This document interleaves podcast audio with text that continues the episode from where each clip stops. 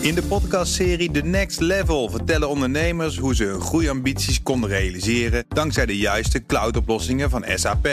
Wat waren de uitdagingen, de oplossingen en hoe ging de uiteindelijke implementatie? Benieuwd naar hun verhalen en hoe zij met behulp van SAP ook hun toekomstige ambities kunnen behalen? Luister de podcast The Next Level via de BNR-app of je favoriete podcast-app.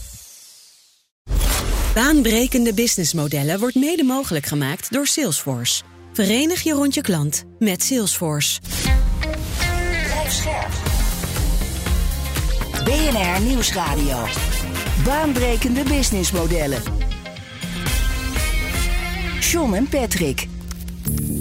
Naam van jullie bedrijf. Bridge Fund. Wat is in jouw businessmodel het moeilijkst te leggen puzzelstuk?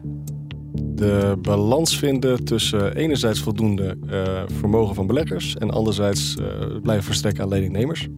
Waar gebruiken bedrijven die kredieten zoal voor? Uh, heel breed. De, de meest voorkomende is al voorraad, inventaris. Omschrijf jezelf eens als ondernemer in maximaal drie zinnen.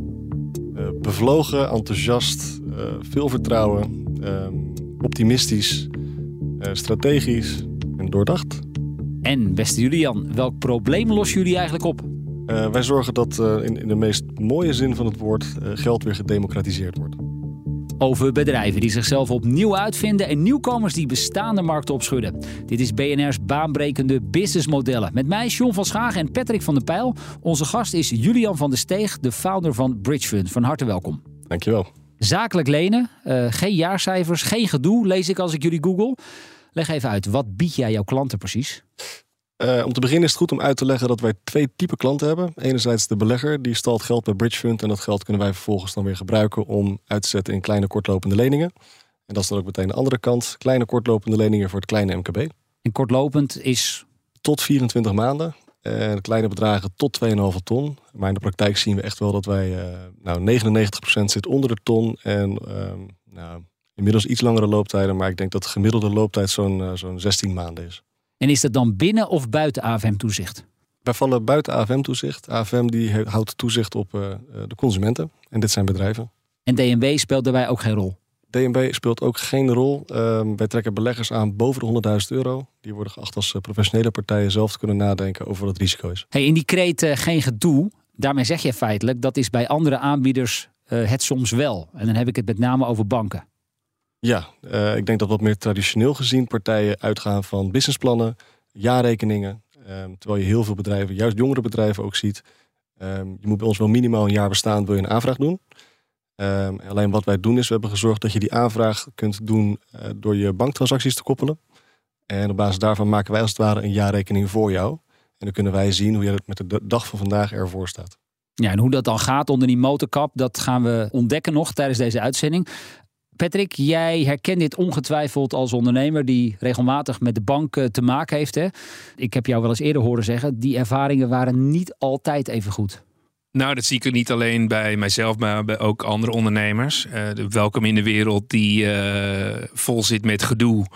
En waar je uiteindelijk zoveel moet uitleggen dat je uiteindelijk ook bezwaard voelt om, om een lening bijvoorbeeld aan te vragen. Terwijl voor een bank of een geldverstrekker is het gewoon een mogelijkheid om geld te kunnen verdienen. Als je dat traditioneel bekijkt, dan is inderdaad wat Julian zegt: dat een bank gaat kijken naar al het verleden en of je wel al je plannen hebt ingeleverd bij de Kamer van Koophandel. Um, en al je documentatie daarbij uh, moet overleggen. Dat is één. Dat kost altijd echt heel veel tijd en werk. Maar de volgende stap is ook nog dat dat dan intern bij de bank wordt overlegd. En dan begint ineens een heel niet transparant proces waar af en toe vragen worden gesteld die je niet van tevoren kunt voorspellen. En wat uiteindelijk veel te lang duurt. En wat het belangrijkste eigenlijk daarvan is, is dat als je ondernemer bent, dan ben je bezig om je business goed draaiende te houden. En daar heb je af en toe hulp voor nodig. En dat is helemaal niet erg. Maar uiteindelijk wil je wel je business door kunnen draaien. En niet bezig zijn met de bank om al hun vragen daarover te blijven beantwoorden. Ja, Julian, weet jij uh, hoeveel procent van de werknemers bij ING of Rabo of ABN AMRO inmiddels een risk manager op zijn visitekaartje heeft staan? Voor zover mij bekend, dat de, ook de, de KYC, Know Your Customer, is daar een derde van de personeelsbestand bezig met het wow. achterhalen van uh, de transacties. Echt gigantisch, hè? ongelooflijk. Wat me opviel is, als je dan de gegevens overlegt, bijvoorbeeld van de afgelopen jaarrekeningen. Nou, nu weten we ook hoe de jaarrekening eruit ziet als je door een corona gaat en als je dan daarna de markt weer uh, uh, zich opent.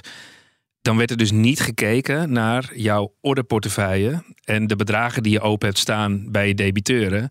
Terwijl dat nou juist is een bewijs van hoe gezond jouw bedrijf is. Dat zegt eigenlijk veel meer over hoe het met je bedrijf gaat. Ja, en dan nog een dosis uh, AI en digitale informatie 24 keer 7 dan heb je daar een ingrediënt voor een mooie business. En Julian, als je dan kijkt naar jullie businessmodel. Um, je zegt in feite, wij beloven de ondernemer binnen 24 uur een concreet voorstel. Uh, hoe organiseer jij nou dit deel van je model zonder dat jij daar meteen 30 risk managers op moet zetten? Ja, welkom in de wereld van automatisering en uh, AI. Um, ehm, voor ons is het vrij simpel. Wij, wij hebben heel veel transacties. Wij, wij koppelen zo'n bankrekening. We krijgen al die transacties krijgen we binnen. Daar krijgen wij zelf een mooi overzicht van. En steeds meer gaat de computer ons helpen en ondersteunen wat daar de beste keuze in is, wat iemands leencapaciteit is, wat hij verantwoord kan lenen om ook weer terug te kunnen betalen. Maar je zegt ook op je website, we hoeven niet direct jouw jaarcijfers te hebben, maar waar kijk je dan naar? Uh, je koppelt je bankrekening. Dus, dus jij hebt een zakelijke rekening en op basis daarvan zien we tot de dag van vandaag wat er gebeurt op die rekening. Um, dus met wie je zaken doet, hoe je zaken doet en in het voorbeeld waar jij mee komt, um, is het zo dat je, dat je kunt zien hoe een bedrijf er vandaag de dag ervoor staat, omdat er dus weer na corona gewoon weer omzet komt. En betekent dat ook dat je dan helemaal geen mensen meer in dienst hebt die met die risico's bezig zijn? Uh, zeker nog wel. Ja? Uh, het doel is natuurlijk wel om die mensen te beperken met, met hun hersencapaciteit op, op die dossiers die wat meer complexiteit met zich meebrengen. Alleen het merendeel van de aanvraag is natuurlijk gewoon redelijk uh, recht toe recht aan. Dus je hebt nog een handjevol risk managers en die kijken dan naar aanvragen die een beetje afwijkend zijn van het gros. Juist.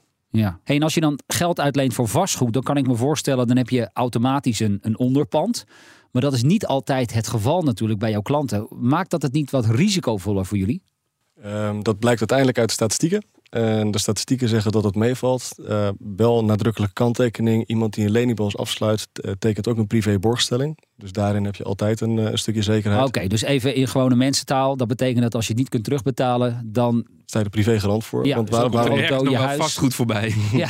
Ja, in, in het geval dat iemand een vastgoed zou hebben, gelukkig komt dat niet zo vaak voor. En het tweede ding is dat wij verpanden de, de debiteuren en de voorraden. Dat is een stil pandrecht, dus dat ziet niemand, dat weet niemand tenzij het fout gaat. Dus in het geval van bijvoorbeeld een faillissement, dan komen we wel bij een curator terecht en dan kunnen we zeggen: wij hebben de voorraad als zekerheid.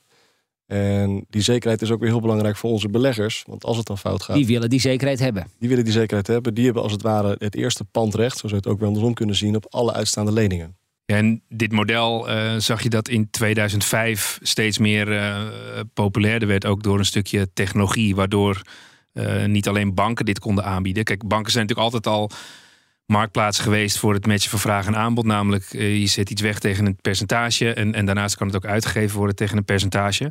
Alleen in 2005 zag je dat bijvoorbeeld in de US ehm, eh, de Lending Club naar voren kwam. En je zag eigenlijk wat die Lending Club deed. Is dat ze zeiden van hé, hey, we hebben um, notes. Dus zeg maar effecten die lagen bij de SEC bij de Securities and Exchange Commission. Uh, en die handelden dan zeg maar naar een soort secundaire markt. Dus die hadden uh, dat als bron en die konden dat dan uitgeven. Um, dat was wel echt het klassieke voorbeeld van zo'n landingclub. Omdat ze ook echt zeggen van kijk, deze mensen die financieren uiteindelijk uh, dat gedeelte van die leningen. Wat je daar wel zag is dat zij uh, in 2020 waren gestopt. Uh, was ook een klein schandaal. Dat had te maken met uh, fees die niet helemaal transparant waren. Net iets hoger dan gecommuniceerd dan ja, waarschijnlijk. Of te kleine lettertjes. En uiteindelijk zeiden ze van wij gaan focussen op een klantsegment wat uitsluitend zit in de institutionele investeerders. Dus... Maar je zag dus wel dat dat peer-to-peer lending platform, hè, dat hele model, dat is dus in 2005 is dat ontstaan. Uh, en wat Bridge Fund in feite dus ook doet, hè, uh, ze verbinden die ondernemer die geld nodig heeft uh, met iemand die geld wil uitlenen. Dus echt een typisch voorbeeld van een platform businessmodel, toch? Ja, ja, dus je hebt inderdaad wat jullie eerder zei, twee kanten van zo'n klantsegment. En daar is het natuurlijk belangrijk dat je die balans gaat managen. Dat je voldoende vraag en aanbod op elkaar af kunt stemmen. Het eeuwige kip-ei-dilemma. Ja, want dat volume, je gaf je in het begin ook aan, dat is een van jullie ja, grootste uitdagingen. Hoe heb je dat in het begin voor elkaar gekregen? In het begin echt uh, de eerste beleggers die we konden aantrekken. Even voor de beeldvorming nog. Een, een, belegger die, die, die stort bij ons het geld. En wij gaan binnen bepaalde kaders bepalen we zelf aan wie we hoeveel geld lenen. En daarbij zeggen we ook, als dat niet goed gaat, dan pakken wij hem voor onze eigen rekening een risico. Het onderpand ligt dus uh, bij de belegger. En het risico ligt primair bij ons, net zolang tot wij het zelf niet meer kunnen dragen. Uh, en om die eerste belegger aan boord te halen en uit te leggen, joh, we gaan het niet op basis van een businessplan of van jaarrekeningen doen, maar op basis van transactiedata, omdat wij denken dat je daarmee een betere inschatting maakt dan dat je kijkt naar een businessplan. Um, ja, dan moet je die belegger nog wel wat meer rente bieden, omdat het een stuk spannender is. En we hebben die overwaarde nog niet. En nu zijn we inmiddels ruim vijf jaar verder. We hebben fors overwaarde opgebouwd. Dat wordt ook meegenomen in het hele onderpand. Um, en we hebben inmiddels uh, richting de volgens mij 10.000 leningen weggezet. Dus dan heb je ook al iets meer track record en ook met hoeveelheid afgeloste leningen. Ja, en die beleggers, dat zijn mensen met net iets te veel privégelden op hun rekening en denken, daar moet ik iets mee. Ja, dat zijn bij voorkeur mensen die niet heel actief willen bezig zijn met beleggen en met hun geld. Um, en vooral met, mensen die bij ons beleggen, die zien het als een van de meest saaiste onderdelen van hun beleggersportefeuille. Uh, het meeste vergelijk wordt wel eens getroffen tussen, tussen het hebben van een spaarrekening. Alleen uh, met dat verschil is dat je gewoon een vast rendement op je geld krijgt. Ja, dus om dat dan door te vertalen naar dat platform, zie je dus aan de um, aanbodkant, namelijk de mensen die dat geld hebben, moet het voor hen ook heel transparant en duidelijk zijn dat wat je neerlegt, uh, welk rendement je daarop krijgt, maar ook wat jullie zegt, een stuk vertrouwen. Dus is het dan, ben jij je geld kwijt uh, omdat je het aanbod inlegt, of in dit geval zegt Bridgefind, dit nemen wij voor ons rekening. Aan de andere kant betekent dat voor jou en mij als ondernemer dat je dus echt instant dat over dat geld moet kunnen beschikken. Dus het moet duidelijk zijn dat je dat in no time kunt krijgen. En je ziet ook dat het belangrijk is dat dat transparant is, dat het duidelijk is hoe dat werkt. Maar wat wel vaak nog een misvatting is, denk ik, maar dan kijk ik even Julian in de ogen, is um, ja, 1% per maand. Het is iets kostbaarder dan wat je normaal gesproken uh, ja, zou afrekenen. Zeker. Alleen de vraag is, is dat nou uiteindelijk het probleem? Is die prijs het probleem? Want als je zeg maar een orde binnenkrijgt en je moet het vol financieren als ondernemer, dan maakt het volgens mij niet zo gek veel uit wat het je op dat moment kost. Als je maar over dat geld kunt beschikken. Terwijl je daarvoor misschien twee maanden op antwoord van een bank moest wachten. Dus... Zeker. En ondernemers bij uitstek die kunnen ontzettend goed rekenen. Uh, en die kunnen gewoon inschatten: als ik dit kan doen, dan is dit mijn marge. Dus als ik dit ervoor betaal. En ook niet vergeten dat er heel veel kleine kortlopende leningen zijn. Dat gaat al vanaf een looptijd van drie maanden. Uh, dat het echt puur die overbrugging is. Maar zit hem dan inderdaad vooral in voorraad financieren? Geld wat je snel even nodig hebt om weer rendement te kunnen halen? Ja, zeker. Uh, dus en een stukje rendement en een stukje onvoorziening. Dus soms heb je dat je, dat je een restaurant hebt en uh, je oven is kapot. En dat moet je nu fixen. Bij ons is de, de garantie binnen 24 uur. Alleen inmiddels zit de kortste doorlooptijd nog op 89 minuten van iemand die nog nooit van ons gehoord had. En dat geld ook echt op zijn rekening heeft omdat onze processen gewoon heel erg uh, strak okay, staan. Dus twee, drie afleveringen van dit programma en het geld kan op je rekening staan. Ja. Zo, zo, snel gaat dat. En ja. we, zijn, we zijn druk bezig om het record te verbreken. En een strategische vraag voor jou, uh, Julien. Als je kijkt naar uh, banken en, en zeg maar vanaf 2010 werd ook wel de vraag gesteld van hey, je krijgt het shadow banking of schaduwbankieren. Betekent ja. andere partijen bieden vergelijkbare diensten aan lees uh, bridge fund en die eten een stukje van het, het, het verdienmodel van de bank. Als jij kijkt naar uh, een bank, vind jij dan dat dit soort type dienstverlening onderdeel moet zijn van de bank? En ben je eigenlijk versneld aan het digitaliseren met jouw oplossing? Of zeg je nee, ik snap wel dat banken strategisch een andere keuze hebben gemaakt door hier niet in te stappen? Ja, ik, ik, ik snap het zeker vanuit de banken. Uh, banken die zullen ook rendement moeten toepassen op, op de markt die ze bedienen. En als je kijkt hoe zwaar het voor banken is om te kunnen voldoen aan de wet en regelgeving eh, kan het gewoon niet uit. En datzelfde geldt, wij uh, moeten inderdaad, wat je net al zei, een wat hogere rente rekenen. Uh, en dat heeft er puur mee te maken dat je best wel wat moet doen om zo'n lening te kunnen verstrekken. Je moet er meer kunnen incasseren. En niet in alle gevallen gaat het goed. Dus je moet overal moet je een, stukje inbouwen. Um, en voor banken dan, dan kan het gewoon niet uit. Dus zo'n tarief zullen zij niet snel kunnen rekenen. En daarin zie je dat een bank heel erg kan leunen op bijvoorbeeld een hypotheekportefeuille. BNR Nieuwsradio. Baanbrekende businessmodellen. Met deze keer Bridge Fund. Zometeen meer, maar nu eerst een ander businessmodel in de spotlights. En deze keer doen we dat met Nikki Seelen van Business Models Inc. En zij wil het hebben over... Lobster Robotics is een Nederlandse start-up die de toegang tot de onderwaterwereld verbetert. Ze maken namelijk uh, super geavanceerde robots die, zeebodemonderzoek uh, kunnen doen. Dat is uh, super tof, want eigenlijk weten we mega veel over de ruimte, maar nog vrij weinig over de oceanen. Terwijl zij wel een van de grootste ecosystemen zijn op onze planeet. Het initiatief komt van studenten van de TU Delft. En zoals je het nu krijgt verteld, klinkt het als een soort onderzoeksinstituut. Maar er zit wel degelijk een business case achter. De robots zijn voorzien van camera's en uh, die kunnen 3D-modellen maken van de zeebodem. En op basis van die data kunnen ze kaarten maken. En die worden gebruikt voor andere veiligheid, milieubeleid en strategieprojecten. Uh, waar ze vooral uh, nu op inzetten is de ondersteuning van ontwikkeling van offshore en marineprojecten. Nou, dat zijn investeringen waar vaak heel veel geld mee gemoeid is. De data van Lobster Robotics wordt gebruikt om de mogelijkheden en risico's in kaart te brengen.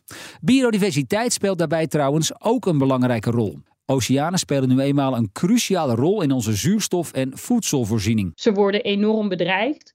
Uh, en door daar eigenlijk beter te begrijpen wat daar gebeurt, kunnen we ook andere oplossingen gaan ontwerpen die uh, duurzamer zijn voor, uh, voor jou en mij en onze planeet. Het concept is daar en momenteel bouwen de ondernemers aan een commercieel businessmodel. Maar wat je ziet is dat die technologie van die scout nog volop in ontwikkeling is. Het ontwerpen en optimaliseren van de robot vraagt superveel uh, testen en, en leren en weer aanpassen. Uh, wat je ziet is, uh, je wordt vaak niet ingehuurd zonder track record. Maar je hebt wel die eerste klanten nodig om dat track record te bouwen en die op robot te optimaliseren. Dus dat is een grote uitdaging. Daar hebben ze eigenlijk hele mooie oplossing voor bedacht. ze werken nu samen in pilotprogramma's met partners waarin ze aan de hand van verschillende use cases uh, de robot iedere keer opnieuw uh, proberen te testen en te verbeteren. Nikki Seelen was dat van Business Models Inc. over Lobster Robotics. We praten verder met uh, Julian van der Steeg. Hij is de bedenker van Bridgefund.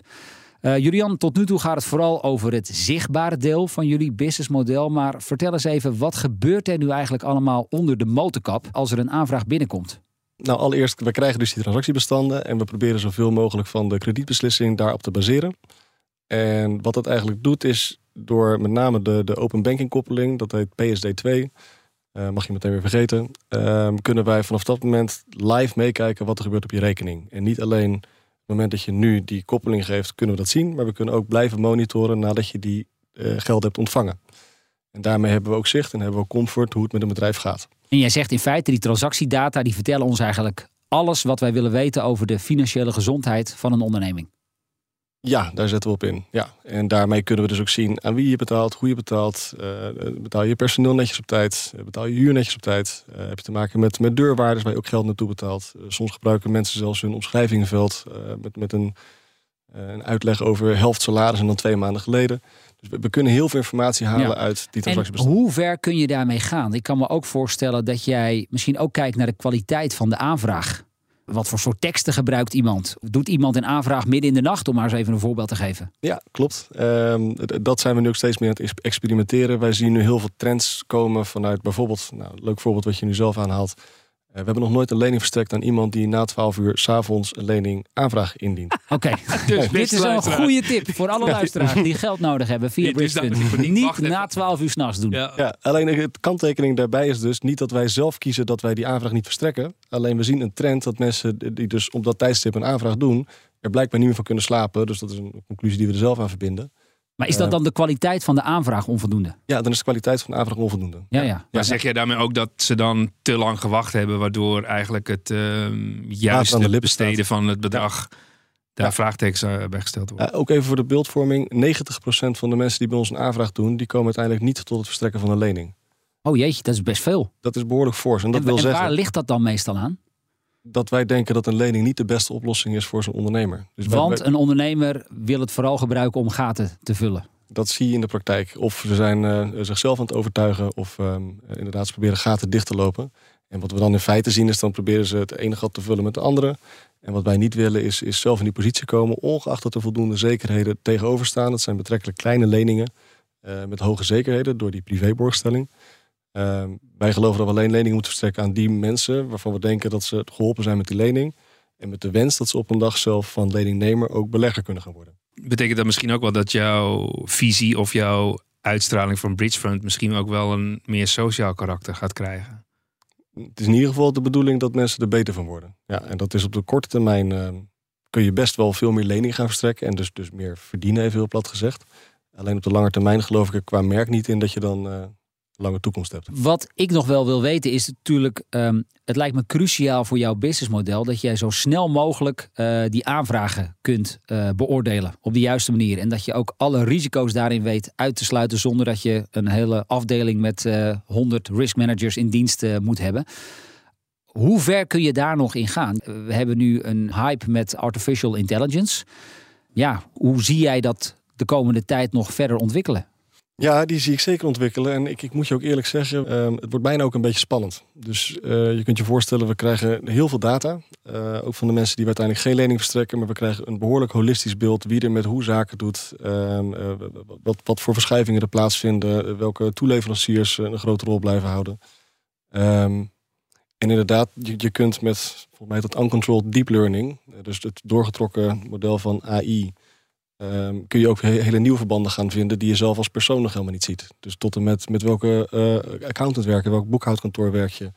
Um, sluit je een Spotify-account af op je uh, zakelijke rekening, wat, wat niet de bedoeling is. Wat zegt het over jou als ondernemer? En dan ga je op een gegeven moment echt. Maar zo ver kan dat gaan dus. Ja, de data die, die geeft het antwoord. Ja. En je gaf aan, uh, geloof ik, 80, 89 minuten is nu de snelste aanvraag beoordeeld. um, kan het zo zijn dat terwijl ik deze vraag stel, dat over vijf jaar dat jij al binnen een paar seconden weet, uh, aanvraag wel of niet goedkeuren? Nog dit jaar zelfs. Nog dit jaar, zo snel gaat dat. Ja, dus het, het, het, het, record wat ik net zei, dat is iemand die nog nooit van het woord bridge fund gehoord had. Nou, die moet een aantal zijn bankrekening koppelen, maar die krijgt ook een contract opgestuurd, kan die digitaal ondertekenen. En, en dat tot en met het geld ook echt op zijn rekening was 89 minuten. En wij geloven dat we nu doorontwikkelen naar dat er een x-percentage van de aanvragen gewoon instant, zodra je bankrekening koppelt, dat meteen het geld ter beschikking staat. Uh, aan de andere kant moeten we wel vaststellen dat uh, banken nog de bedragen die zij verstrekken aan ondernemers nog vele malen groter zijn dan dit soort alternatieve platformen. Maar zie jij dat wel dat daar een verschuiving gaande is? Ja, wat je, wat je ziet is ze laten de onderkant van de markt helemaal los. Dus onder de 2,5 ton uh, heeft het eigenlijk ook geen zin meer om een aanvraag bij de banken te doen. En dat zie je ook bij de jongeren. Volgens mij is inmiddels, wat is het, meer dan 60% van de jongeren doet niet eens meer, die begint niet eens meer bij de bank om een aanvraag te doen. Je zag nu ook weer een recent rapport dat onder de 2,5 ton is de portefeuille van banken weer 39% verder gekrompen. Dus eigenlijk het hele domein onder de 2,5 ton gaat een hele nieuwe markt ontstaan. Ja, een nieuwe markt en daarin ben jij actief. Maar hoe zie jij dan die markt over een jaar of vijf? Want jullie zijn nu nog vooral actief in Nederland. Maar ik kan me voorstellen, dit wordt een Europees speelveld.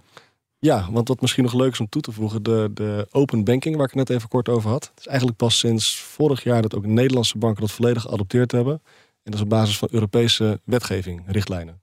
En die richtlijnen die zijn dus Europees. Dus ook voor ons, het, het, model wat we hier toepassen, dat willen we heel graag Europees verder uitbreiden. En wat zie je dan als potentiële groeimarkten? Uh, gek genoeg, de, de absolute voorloper, dat is de UK.